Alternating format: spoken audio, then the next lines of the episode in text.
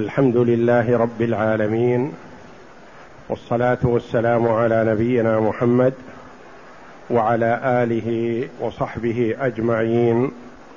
قال المؤلف رحمه الله تعالى باب من له الثلثان. تقدم لنا بيان الفروض المقدرة في كتاب الله. وأنها النصف ونصفه ونصف نصفه. النصف والربع والثمن. والثلثان ونصفه ونصف نصفه. أي الثلثان والثلث والسدس. هذه الفروض المقدرة في كتاب الله ستة والسابع ثبت باجتهاد الصحابة رضي الله عنهم وهو ثلث الباقي. وعرفنا من يأخذ النصف وأنهم خمسة أفراد يعني لا يشترك فيه اثنان. النصف يأخذه الزوج والبنت وبنت الابن وإن نزل أبوها والأخت الشقيقة والأخت لأب. وعرفنا من يأخذ الربع وهم صنفان. الزوج مع وجود الولد والزوجة أو الزوجات مع عدم الفرع الوارث. وعرفنا من يأخذ الثمن وهم صنف واحد الزوجة أو الزوجات مع وجود الفرع الوارث. هؤلاء هم الذين يرثون النصف ونصفه ونصف نصفه. بقي معنا الثلثان ونصفهما ونصف نصفهما. واليوم نعرف إن شاء الله من يأخذ الثلثين. والثلثان يأخذهما أربعة أصناف.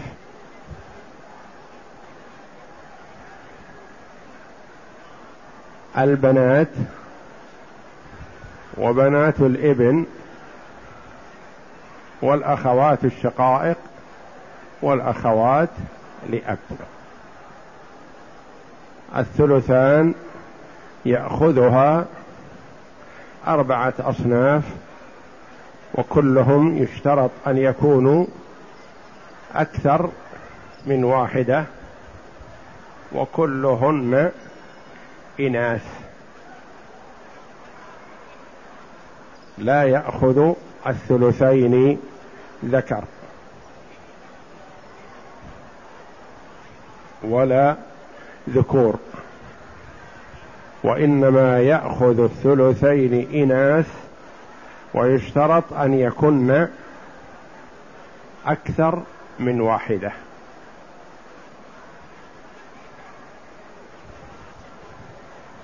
قال مؤلف الرحبية رحمه الله والثلثان للبنات جمعا ما زاد عن واحدة فسمعا وهو كذاك لبنات الإبن فافهم مقالي فهم صاف الذهن. وهو للأختين فما يزيد قضى به الأحرار والعبيد. هذا إذا كنا لأم وأبي أو لأب فاعمل بهذا تصبي.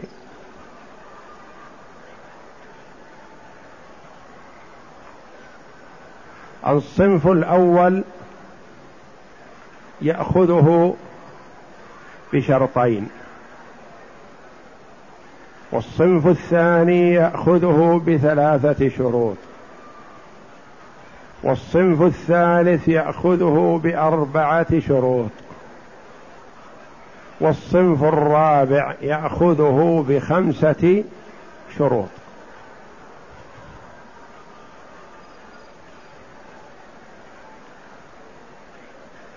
الصنف الأول من يأخذ الثلثين؟ البنات. يأخذن الثلثين بشرطين. الشرط الأول أن يكن اثنتين فأكثر. الواحدة ما تأخذ الثلثين. الاثنتان يأخذن الثلثين الثلاث يأخذن الثلثين الأربع يأخذن الثلثين وهكذا. بشرط أن يكن اثنتين فأكثر. الشرط الثاني عدم المعصب. فإذا كن اثنتين ومعهن أخ لهن. يعني ابنتان ومعهن ابن. أو ثلاث بنات ومعهن ابن. فلا يأخذن الثلثين وإنما يأخذن مع أخيهن ما بقي بعد الفروض. قل أو كثر. يصبحن عصبة بالغير بأخيهن.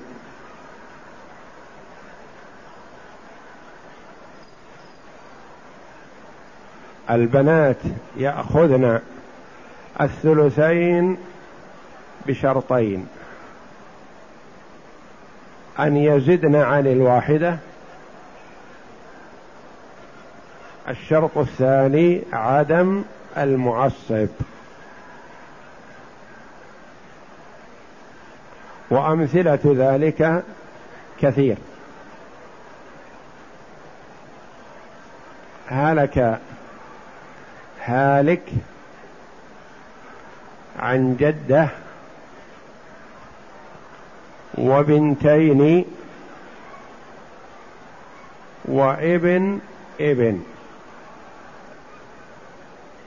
المسألة من ستة. لأن فيها سدس وفيها ثلثان. والثلثان داخلة ضمن السدس ضمن الستة. للجدة واحد. وللبنتين الثلثان أربعة. والباقي لابن الابن تعصيبا. البنتان هنا أخذنا السدس أخذنا الثلثين لتوفر الشرطين. هن اثنتان. وعدم المعصب. قد يقول قائل ابن الابن هذا أليس معصب؟ نقول لا هذا أنزل منهن إن بقي شيء أخذه وإلا فحقه الصبر والاحتساب بوفاة جده ولا يأخذ شيئا.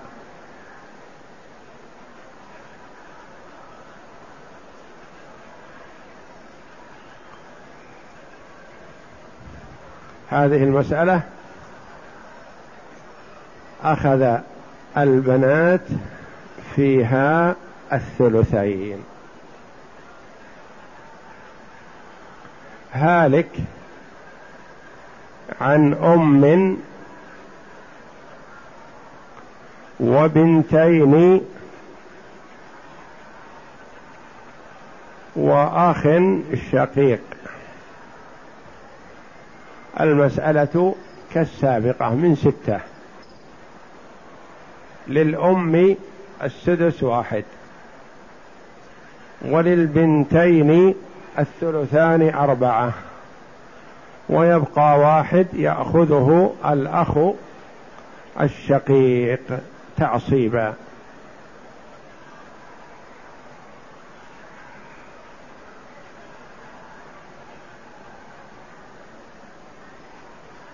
هلك هالك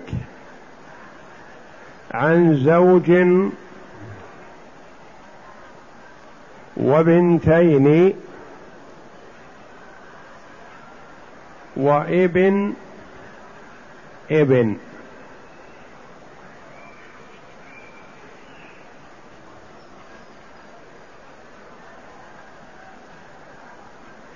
المسألة فيها ربع.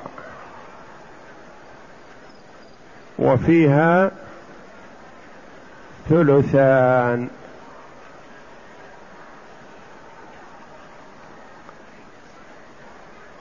الربع مخرجه من أربعة. والثلثان مخرجها من ثلاثة.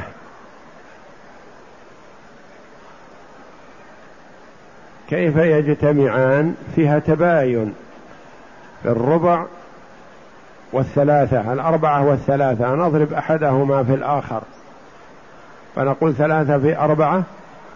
باثني عشر. للزوج الربع واحد في ثلاثة بثلاثة. وللبنتين اثنان. البنتين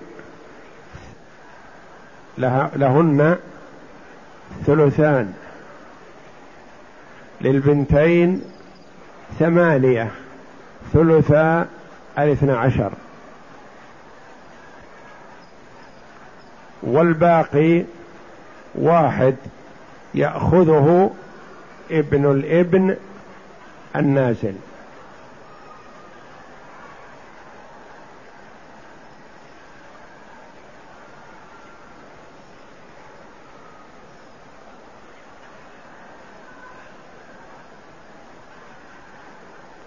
وهكذا. فالبنات إذا كن اثنتين فأكثر يأخذن الثلثين.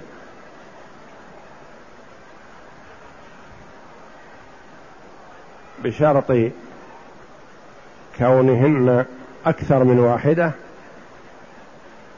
وبشرط ألا يوجد معهن معصب.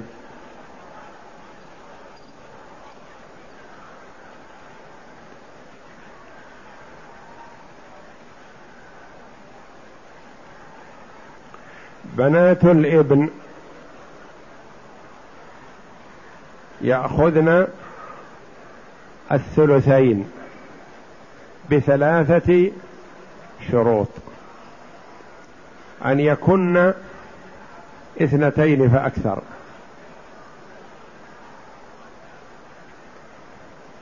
وأن لا يوجد معهن معصب وهو أخوهن أو ابن عمهن الذي في درجتهن.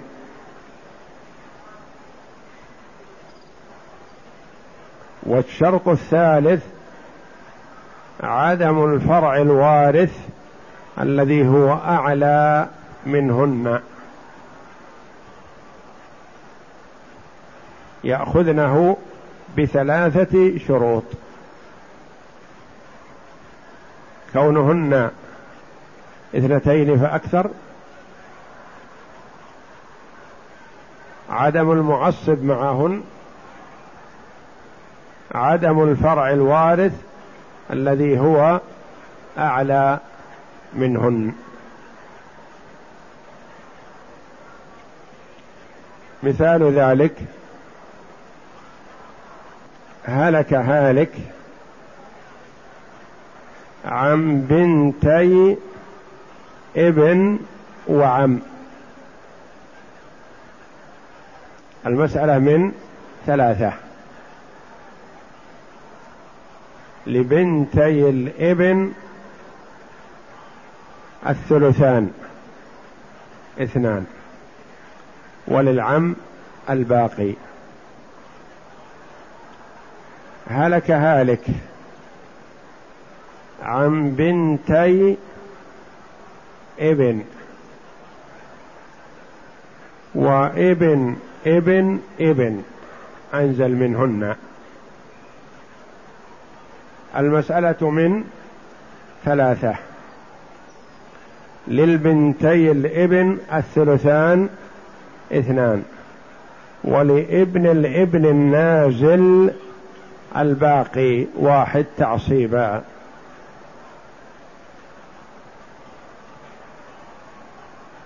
هلك هالك عن ثلاث بنات ابن.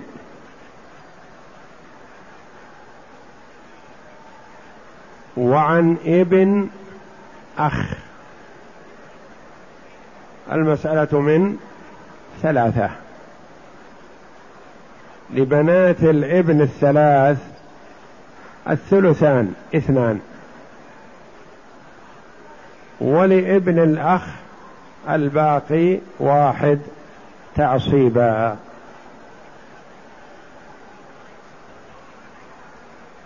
هلك هالك. عن بنتي ابن ابن. ثلاثة. بنتي ابن ابن. و ابن ابن. كيف القسمة؟ من يقسم؟ المال لابن الابن.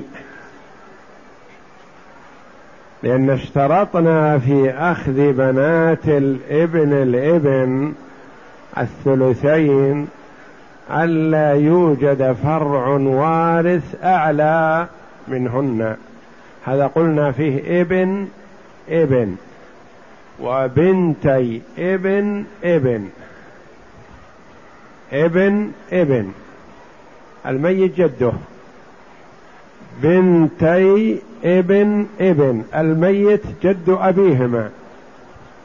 فهذا أقرب يأخذ المال كله والبنتين ليس لهن لأنه وجد فرع وارث أعلى منهن.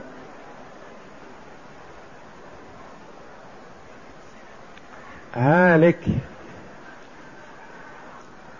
عن بنت ابن وعن بنتي ابن ابن.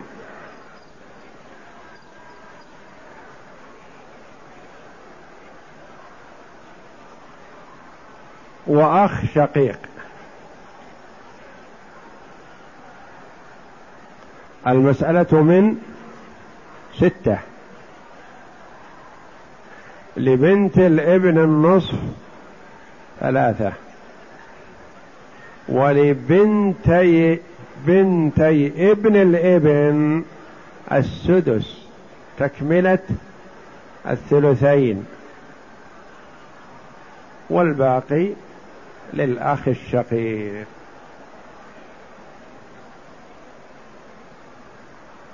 لما لم نعطي بنتي الابن النازل هنا الثلثين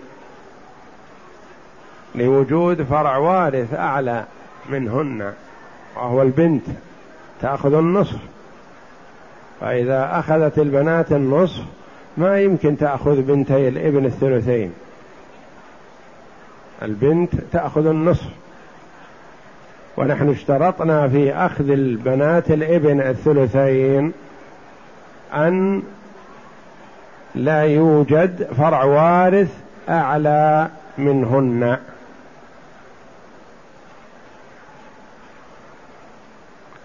هالك عن بنت ابن أبوها زيد. وبنت ابن أخرى أبوها عمرو. زيد وعمر أخوان. يعني مات الميت عن بنت ابنه زيد وعن بنت ابنه عمرو.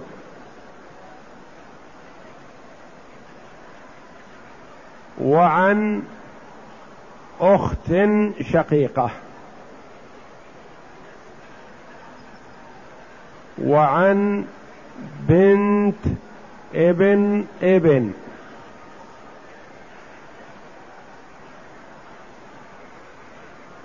بنتي ابن في درجة واحدة بنتي ابنين في درجة واحدة. وبنت ابن ابن أنزل منهن بدرجة وأخت شقيقة. المسألة من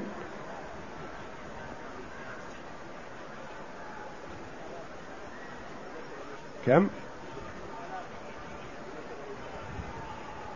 من ثلاثة. المسألة من ثلاثة. لبنتي الابنين الثلثين. لبنتي الابنين الثلثان اثنان. ويبقى معنا واحد. تأخذ بنت الابن النازلة أو تأخذه الأخت الشقيقة. والأخوات إن تكن بنات فهن معهن معصبات. وبنت الابن النازل عليها الصبر والاحتساب وليس لها من الميراث شيء لأنها لا تأخذ بنت الإبن مع البنات إلا تكملة الثلثين والثلثان كملا. أخذناه بنات الإبن فتأخذه الأخت الشقيقة لأنها عصبة مع الغير.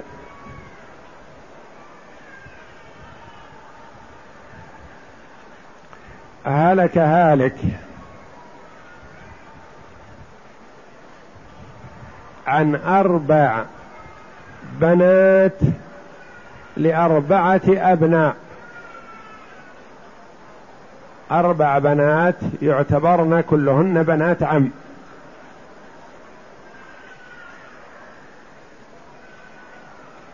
آباؤهن أربعة.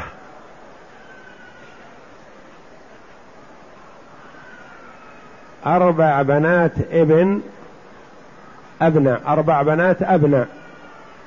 و بنت ابن ابن أنزل منهن.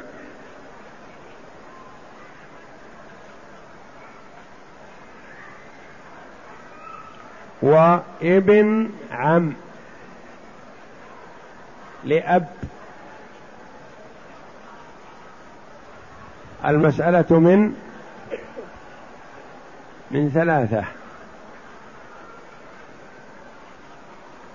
لأربع بنات أربعة الأبناء الثلثان اثنان ويبقى واحد يأخذه ابن العم لأب لقوله صلى الله عليه وسلم الحقوا الفرائض بأهلها فما بقي فلأولى رجل ذكر. بنت الابن النازلة لا تأخذ شيء لا تأخذ شيء لأنها صاحبة فرض. لو ما اكتمل الثلثان أخذت السدس تكملة الثلثين لكنها ليست عصبة. ابن ابن العم الذي لأب يأخذ الباقي تعصيبا.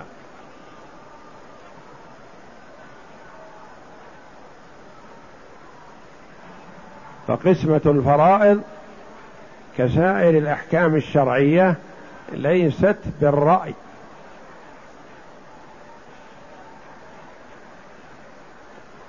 ألحق الفرائض بأهلها. كل صاحب فريضة عطوه فرضه. وما بقي فلأولى رجل ذكر. هذا بقي.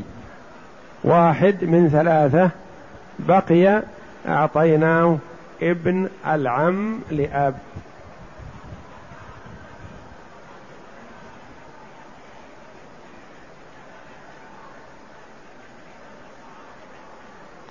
إذا فبنات الابن يأخذن الثلثين بثلاثة شروط.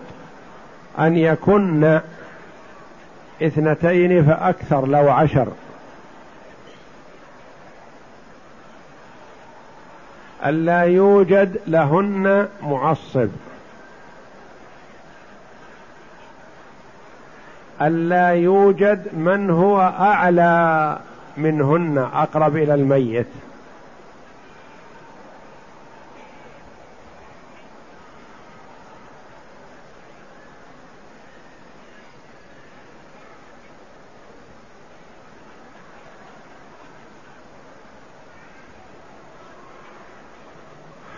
مسألة هالك عن أربع بنات لأربعة أبناء. من المعلوم أن آباءهن قد ماتوا قبل أبيهم وإلا ما كان يأخذن شيء. أربع بنات لأربعة أبناء.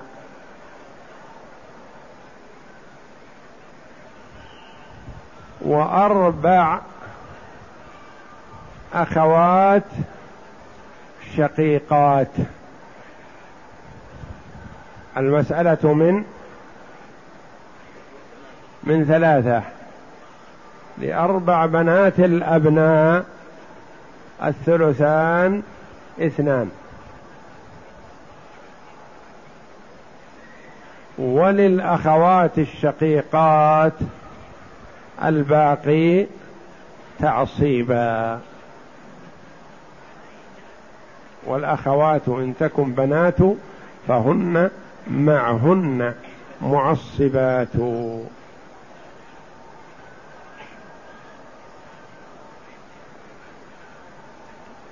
وأمثلتها كثيرة. على طالب العلم أن يصور مسائل ويقسم وإذا أشكل عليه شيء يسأل من هو أعلم منه وفوق كل ذي علم عليم.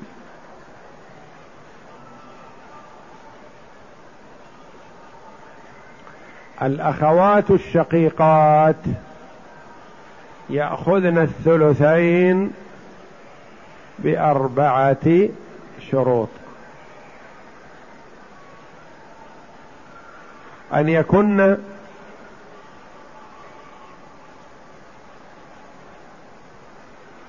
اثنتين فأكثر. وعدم المعصب. وعدم الفرع الوارث. وعدم الأصل من الذكور الوارث. لا يوجد أب ولا يوجد جد.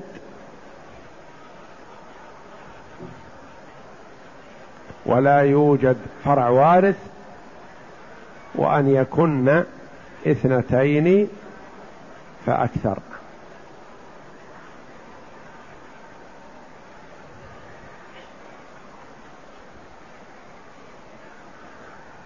مثال ذلك. هلك هالك عن زوج وأختين شقيقتين. المسألة من ستة. للزوج النصف ثلاثة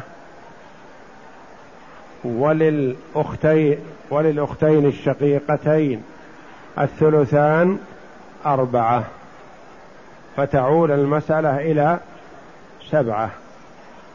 الزوج يأخذ ثلاثة من سبعة والخوات يأخذن أربعة من سبعة.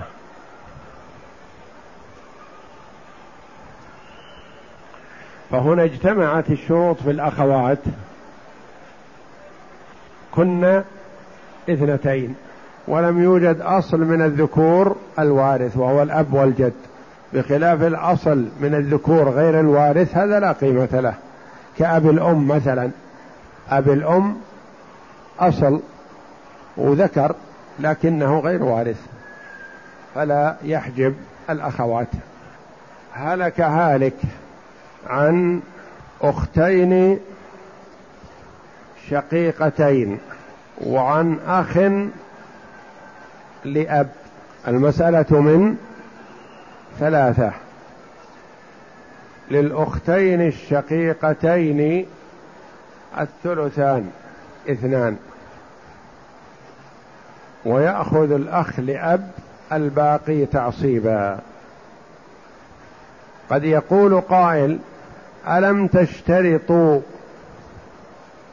في أخذ الأختين الشقيقتين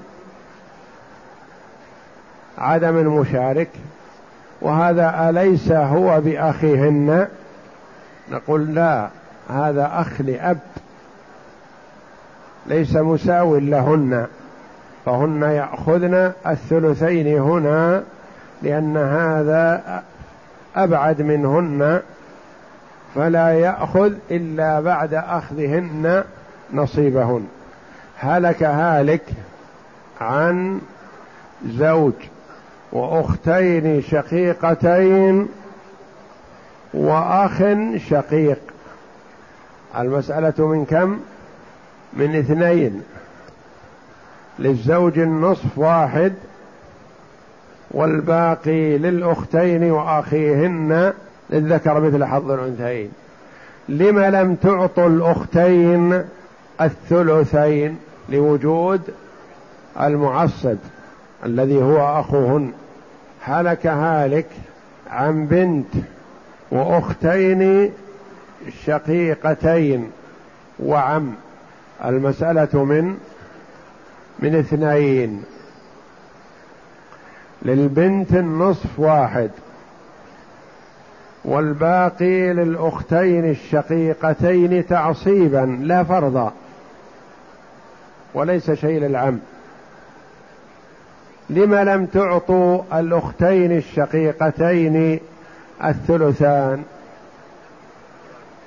لوجود الفرع الوارث البنت. إذا عرفنا أن الأختين يأخذن الثلثين بأربعة شروط. هالك عن أب وأختين شقيقتين. المال للأب. ألم تقولوا إن الأختين الشقيقتين يأخذن الثلثين؟ نعم قلنا ذلك لكن اشترطنا عدم الأصل من الذكور الوارث وهنا الأب موجود. فلا يرث أخ ولا أخت ولا عم ولا ابن عم ولا ابن أخ مع وجود الأب. التصوير مع الجد سيأتي إن شاء الله في باب الجد والإخوة. هو يحجب يمنع الأختين من أن يأخذن الثلثين ويتقاسم وإياهن كما سيأتي إن شاء الله. إذا الأختان يأخذن الثلثين بأربعة شروط أن يكن اثنتين فأكثر. عدم المعصب عدم الفرع الوارث عدم الأصل من الذكور الوارث. الصنف الرابع الأخوات لأب. يأخذن الثلثين بخمسة شروط. دائما من كان لأب يأتي بالتسلسل بعد الشقيق. فإذا لابد من الشروط الأربعة ويزيد شرط خامس حتى يأخذ الأخوات لأب الثلثين. أن يكن اثنتين فأكثر. الأخوات لأب عدم المعصب. عدم الفرع الوارث. عدم الأصل من الذكور الوارث. عدم الأشقة والشقائق. هالك عن أختين لأب وابن أخ شقيق. أختين لأب وابن أخ شقيق. المسألة من اثنين من ثلاثة. للأختين لأب الثلثان اثنان. والباقي يأخذه ابن الأخ الشقيق لأنه أنزل منهن. هو إن كان عنده شيء من القوة وهو أنه شقيق لكنه أنزل درجة. هؤلاء أخوات لأب وهذا ابن أخ شقيق. هلك هالك عن زوج وأختين لأب وابن أخ شقيق. المسألة من ستة. للزوج النصف ثلاثة. وللأختين لأب الثلثان أربعة. جاء ابن الأخ الشقيق يريد نصيبه. يقول ألم تعطوا صاحبي في القسمة الأولى فأنا مثله. نقول لا نسمعك شيء أخذناه. لأن المسألة الآن في حاجة إلى زيادة. وصلت إلى سبعة وهي أصلا من ستة. فننظر في جيوبه إن كان معه نفقة زائدة أخذناها لنجبر به النقص. إن سمح وإلا رغم أنفه لا لا يحل مال امرئ مسلم إلا بطيب خاطر منه. لكن إذا رضي يكمل النقص فجزاه الله خيرا وإلا فلا شيء له. لأنه يعطى إن بقي شيء. لكن ما بقي شيء الآن نتمنى إن معنا أن يوجد عندنا زيادة من أجل أن نقسمها قسمة منقسمة. لأن الآن نعطي الزوج ثلاثة من سبعة ونعطي الأختين الشقيقتين أربعة من سبعة.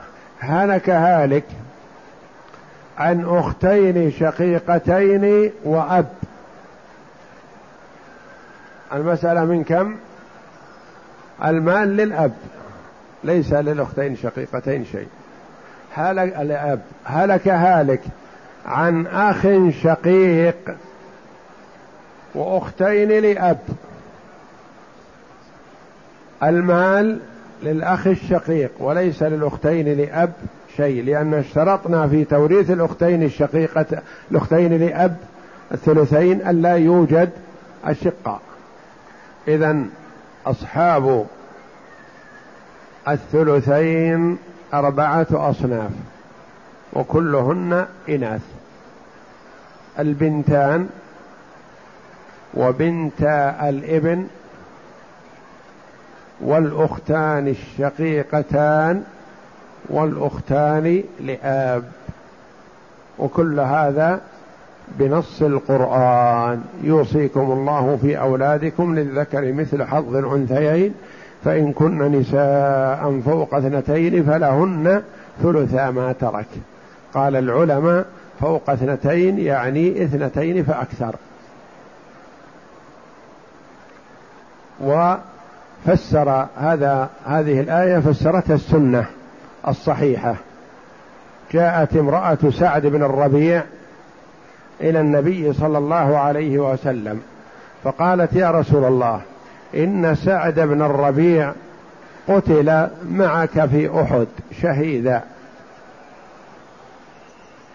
وإن وإنه خلف ابنتين. فجاء عمهما فأخذ المال ولم يدع لهما شيئا. وإنهما لا تنكحان إلا بمال. فقال النبي صلى الله عليه وسلم يقضي الله في ذلك. ما جاء بشيء ما أجاب عليه الصلاة والسلام. لأن قسمة المواريث لم يكلها الله جل وعلا إلى ملك مقرب ولا إلى نبي مرسل. تولى جل وعلا ذلك بذاته بنفسه سبحانه وتعالى. قال النبي عليه الصلاة والسلام يقضي الله بذلك. فأنزل الله جل وعلا عقب ذلك يوصيكم الله في أولادكم للذكر مثل حظ الأنثيين فإن كن نساء فوق اثنتين فلهن ثلثا ما ترك. فدعا النبي صلى الله عليه وسلم عمهما فقال أعط زوجة سعد الثمن وأعط البنتين الثلثين ولك الباقي. فسمع وأطاع لأمر النبي صلى الله عليه وسلم. وما كان لمؤمن ولا مؤمنة إذا قضى الله ورسوله أمرا أن يكون لهم الخيرة من أمرهم. وإلا كان في الجاهلية يأخذ المال الرجل الكبير والبنات والنساء والأطفال لا يأخذون من الميراث شيء. هذه قسمة ضيزة هم أحق. فالله جل وعلا قسم فعدل. وكذلك الأخوات الشقائق ولأب يأخذن الثلثين بنص القرآن في آخر آية من سورة النساء. وإن كان يستفتونك قل الله يفتيكم في الكلالة. إن امرؤ هلك ليس له ولد وله أخت فلها نصف ما ترك وهو يرثها إن لم يكن لها ولد فإن كانت اثنتين فلهما الثلثان مما ترك وإن كانوا إخوة رجالا ونساء فللذكر مثل حظ الأنثيين. يبين الله لكم أن تضلوا والله بكل شيء عليم. ولا خلاف في ذلك إلا ما روي عن ابن عباس رضي الله عنهما أنه قال إن البنتين يأخذن النصف والثلاث يأخذن الثلثين فأكثر. اخذا من قوله جل وعلا يوصيكم الله في أولادكم للذكر مثل حظ الأنثيين فإن كن نساء فوق اثنتين. نقول قال العلماء فوق هذه إما أنها زائدة مثل كقوله تعالى فاضربوا فوق الأعناق أو أن فيها تقديم وتأخير فإن كن نساء اثنتان فما فوق لأن السنة الصحيحة فسرت أن البنتين يأخذن الثلثين فميراث سعد بن الربيع رضي الله عنه خلف ابنتين فقط ولم يخلف ثلاث. ويروى أن ابن عباس رجع عن هذا القول رضي الله عنه وأرضاه. فالسنة أحق بالاتباع وإن كان قول ابن عباس على العين والرأس ما لم يعارض سنة صحيحة. إذا الثلثان للبنتين فأكثر ولبنتي الابن فأكثر وللأخوات الشقيقات اثنتان فأكثر وللأختين لأب فأكثر بشروط عرفناها.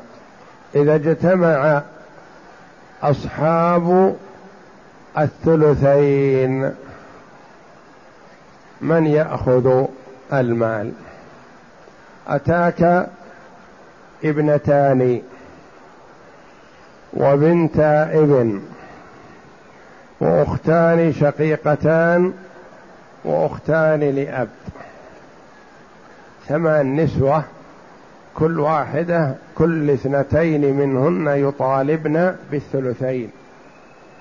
يقول نحن درسنا بأن لنا الثلثان. بأن لنا الثلثين. كيف تقسم؟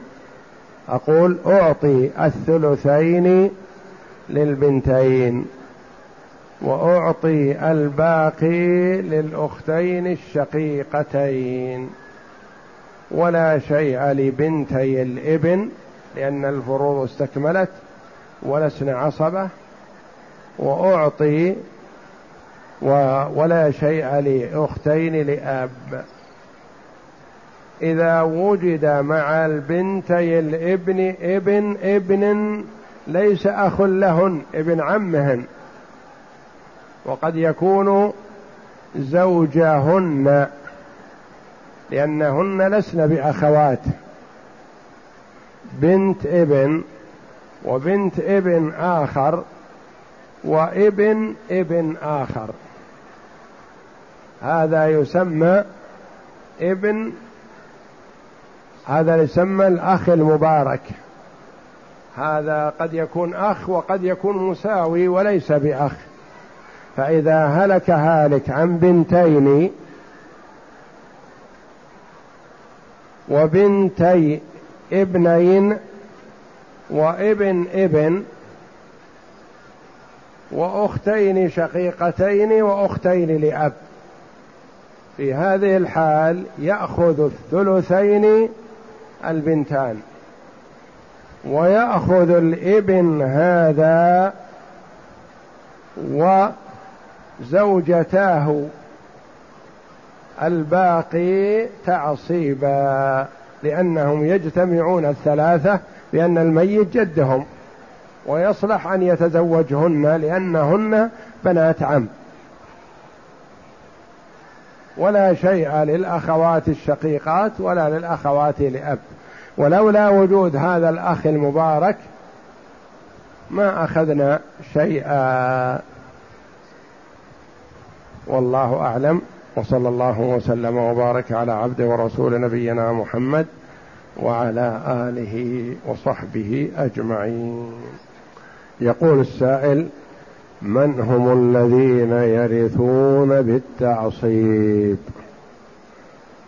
وأقول أخي لا تستعجل الشيء قبل أوانه فتعاقب بحرمانه. هذا سيأتي إن شاء الله. اسأل عما مضى إذا ما فهمته. وأما أن تسأل عما لم يأتي فانتظر. والذين يرثون بالتعصيب هم العصبة وحسب تسلسلهم كما سيأتي إن شاء الله.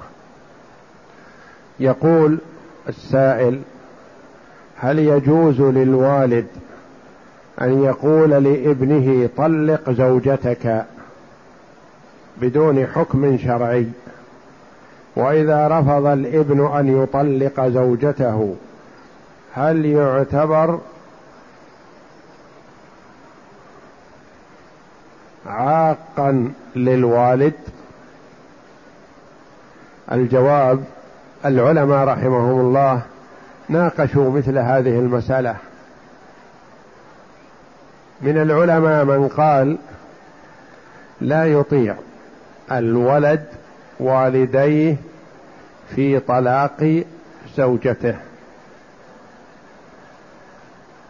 لأنه ليس للوالدين غرض صحيح في هذا وإنما قد يكون غيره. أو كراهية للزوجة بدون مبرر فلا يطيعهما.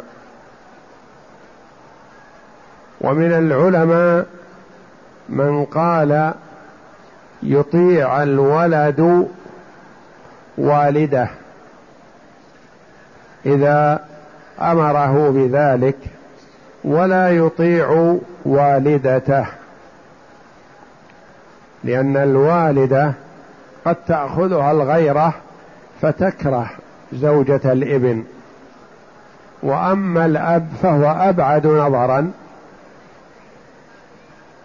واستدل هؤلاء بأن النبي صلى الله عليه وسلم قال لابن عمر أطع أباك لما أمره عمر أن يطلق زوجته. قال أولئك أحضروا لنا أبا مثل عمر ونجبر الولد في أن يطيع أباه. لكن أين من يكون مثل عمر؟ لأن الأب حاليا قد يتأثر بالأم. إذا كرهت الأم زوجة ابنها كرهت زوجة ابنها قد تؤثر على الأب بأن يقول للابن طلق زوجتك فتكون الضحية المسكينة أم الأولاد التي هي زوجة الابن. فالأولى له ألا يطيع في هذا إلا إذا ذكر مبررا شرعيا كأن تكون خائنة أو فاجرة أو لا تحافظ على شعائر الدين. نعم. وأما إذا كانت صالحة فلا يطيع أباه في طلاقها. يقول ما المقصود باليقين في قوله تعالى واعبد ربك حتى يأتيك اليقين فسر اليقين بالموت يعني اعبد ربك حتى الموت يعني لم يجعل الله جل وعلا حدا للعبادة دون الموت. خلافا لما يقوله بعض الصوفية أن المرء إذا وصل إلى درجة من اليقين سقطت عنه التكاليف الشرعية وهذا جهل وضلال. فالنبي صلى الله عليه وسلم عبد ربه حتى أتاه الموت صلوات الله وسلامه عليه. يقول اعتمرت قبل سنوات وسعيت في الدور الثاني لشدة الزحام وكان الجزء الذي فوق المروة فيه حاجز لعمل صيانة فيه وأكملت السعي في الدور الثاني. ما دام أكملت السعي فلا عليك إن شاء الله. ما حكم ترك المسجد القريب والذهاب إلى غيره كرها للإمام لأنه يتعاطى السجائر مثلا أو نظرا لسوء قراءته؟ لا بأس بهذا.